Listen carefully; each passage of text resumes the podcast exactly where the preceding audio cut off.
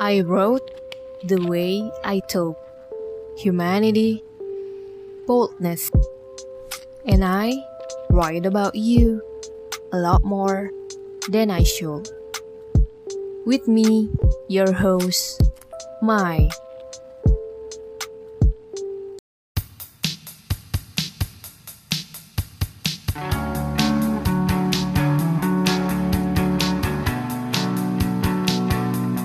Hi there, back again on my podcast.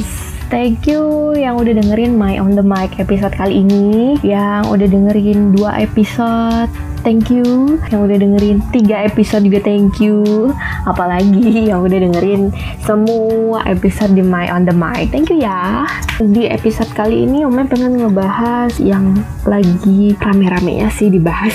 Akhir-akhir ini tuh berita nasional ataupun internasional. Ya kalau enggak diisi berita soal pandemi COVID-19 masih ya kita masih pandemi. Atau gerakan aksi protes. Hmm dalam negeri top aksi protes undang-undang cipta kerja kan? Terus di Prancis juga rame soal um, kebebasan berpendapat. Terus di US juga lebih berentetan lagi uh, gerakan aksi protesnya. Mulai dari sebelumnya tuh Black Lives Matter dan sekarang soal di electionnya atau pemilu di sana yang ngundang atau memicu banyak gerakan aksi protes orang-orang turun ke jalan.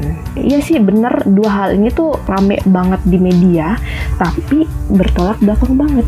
Ya nggak sih? Yang satu ngerasa bersatu kita teguh, yang satunya bercerai kita enggak ketularan. Yang tapi uh, positif side-nya adalah ada sesuatu hal yang mesti diperjuangin dengan berjuang bersama, no matter what the condition is. Tapi protes tetap dilakuin. Hmm, kalau ngomongin soal aksi protes sih motor penggeraknya adalah anak muda. Ya mungkin karena anak muda lebih responsif sama keadaan. Entah itu karena jenuh karena keadaannya atau mungkin ada sesuatu atau ketidakadilan yang mesti diperjuangin. Nah ngomongin soal aksi protes terus latar belakangnya mungkin karena kejenuhan akan keadaan dan pergerakan anak muda gimana kalau tiga hal ini tuh diangkat ke film musik bahkan industri fashion Nah, itu dia yang bakal My on the Mic bahas di episode kali ini. Oke, okay, yang pertama film. Umay punya satu referensi film yang bisa kamu nonton di Netflix weekend ini. Ini sih filmnya hmm, highly recommended banget buat kamu nonton. Trial of Chicago 7. Sebenarnya Umay nggak pengen spoiler ya, tapi this is the reason why you have to watch this movie. Oke, okay, the first thing, it based on true story.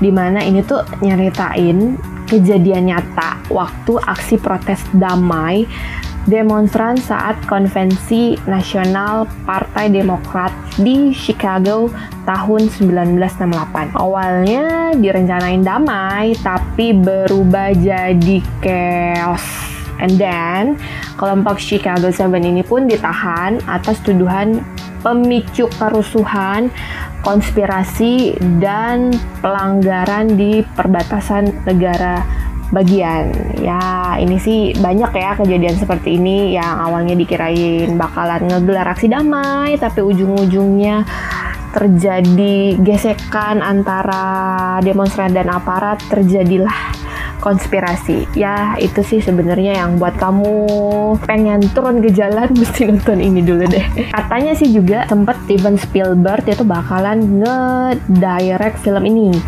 tapi masalah budgeting akhirnya doi mundur. Si penulis skenario nya yang menjadi director film ini ada Aaron Sharkin. Tapi mungkin karena film ini timingnya tepat, di mana aksi protes terus tuntutan untuk didengar lagi relate sama kejadian nyata. Sekarang ini so kalian ini bakal ngerasa emosional dan ikut terprovokasi dengan keadaan sidangnya. Dan endingnya mereka tuh dinyatain bersalah tapi itu ternyata jadi pengadilan terburuk dalam sejarah Amerika. But um, maybe this is too oddly specific baiknya kamu nonton aja deh. The Trial of Chicago 7 yang main juga oke-oke lah. Ada Tom Hayden yang diperanin sama Eddie Whitemain terus juga militan kelompok hippies ya. Ada Abby Hoffman ya siapa sih yang nggak kenal Sasha Baron Cohen dan Jerry Rubin diperanin sama Jeremy Strong. Jadi you have to watch this movie guys. Jadi bener-bener ngemainin emosi lo banget. Kayak ngebawa uh, suasana sidang bener-bener ke tempat lo nonton. Jadi ingat ya untuk weekend minggu ini nyari deh The Trial of Chicago 7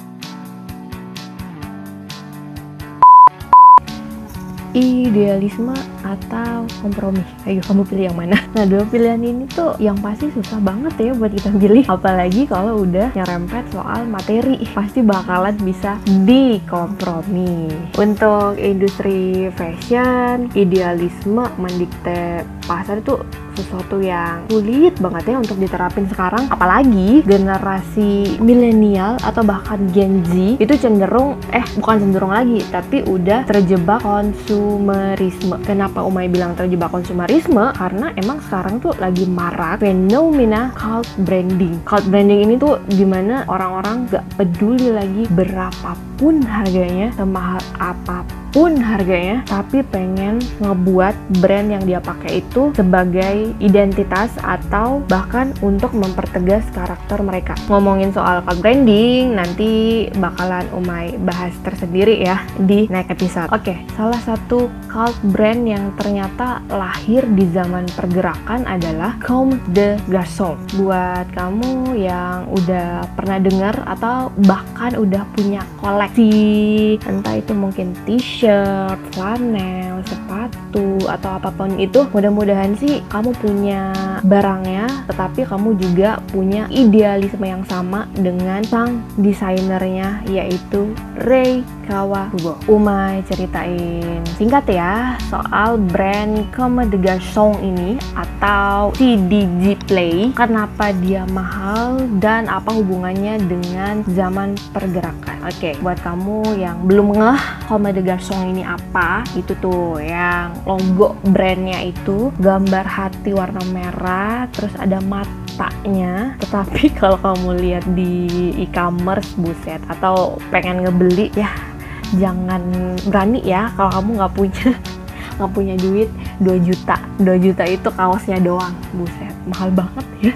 CDG ini lahir sekitar tahun 1973 di mana pada masa itu Jepang Jepang lagi banyak pergerakan pembebasan dengan rame-rame turun ke jalan buat ngelakuin atau ngadain unjuk rasa. Nah, si Rei Kawakubo ini, sang desainer dan karya-karya desainnya adalah salah satu representasi zaman bergerak Jepang pada masa itu karena doi itu punya idealisme untuk melawan arus dengan membentuk identitas desain orisinalnya sendiri. Kawakubo ini menantang konsep kesempurnaan. Ya uh, bisa dibilang sih karakteristiknya adalah anti fashion, terus asimetris, ada jahitan pinggirnya, dan si Kawakubo ini nggak ragu untuk maduin tekstur dan bahan yang kontras. Dari beberapa hasil browsing dan sempat Umay udah nonton dokumentari dari Reka Wakubo ini, ternyata Doi itu punya idealisme kuat untuk ngebentuk suatu fashion item yang di mana kalau pada umumnya ya fashion item itu ngebentuk karakter orang dan bahkan bisa membatasi orang. Si CDG ini tuh berharap bahwa fashion itu malah bisa membuat orang menjadi apa pun yang dia mau.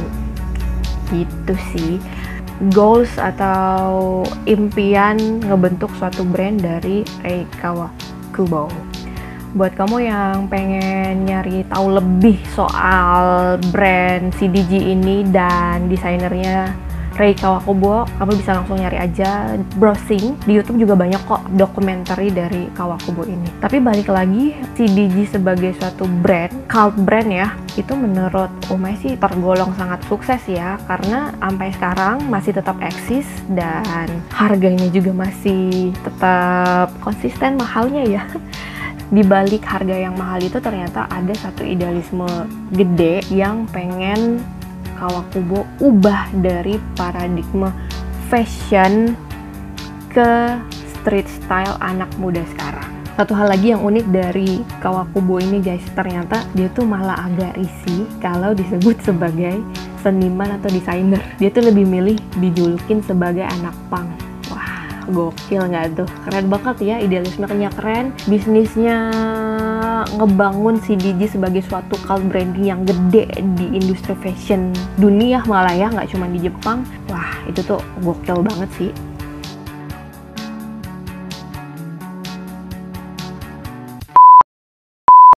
Kawakubo bukan satu-satunya tokoh yang mencoba memberontak dengan talent yang dia punya. Tapi sosok selanjutnya ini hampir sama dengan apa yang dilakuin sama founder CDG, tapi sosok yang ini di bidang musik. Umay ngerasa sih kalian bakalan setuju. Tom Morello from Race Against the Machine. Dengan genre yang lumayan cadas, sayang aja sih kalau musik dan liriknya Race Against the Machine ini nggak diikutin dengan aksi nyata. Aksi nyatanya apa guys? Banyak loh yang udah dilakuin sama Tom. Tahun 2000 ternyata Tom pernah ikutan manggung di aksi protes yang judulnya Democratic Convention 2000. Terus tahun 2006 Tom Morello juga ditangkap polisi bareng 400 orang lainnya yang terlibat dalam aksi protes hak pekerja imigran. Wah, militan juga ya aksi si Tom Merrill ini. Tapi apa yang dilakuin sama Tom nggak jauh beda ternyata sama yang dilakuin sama kalau ini sih uh, Oma yakin kamu udah pada banyak baca dan dengar cerita dari Paul Simon from The Clash. Ya, reminder aja ya.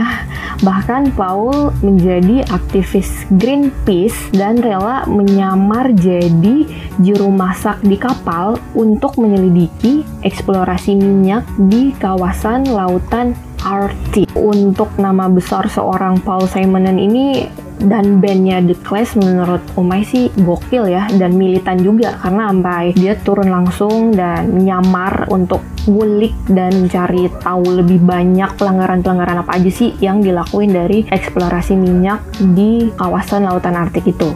Tapi akhirnya Paul juga ditangkap bareng 18 aktivis lainnya.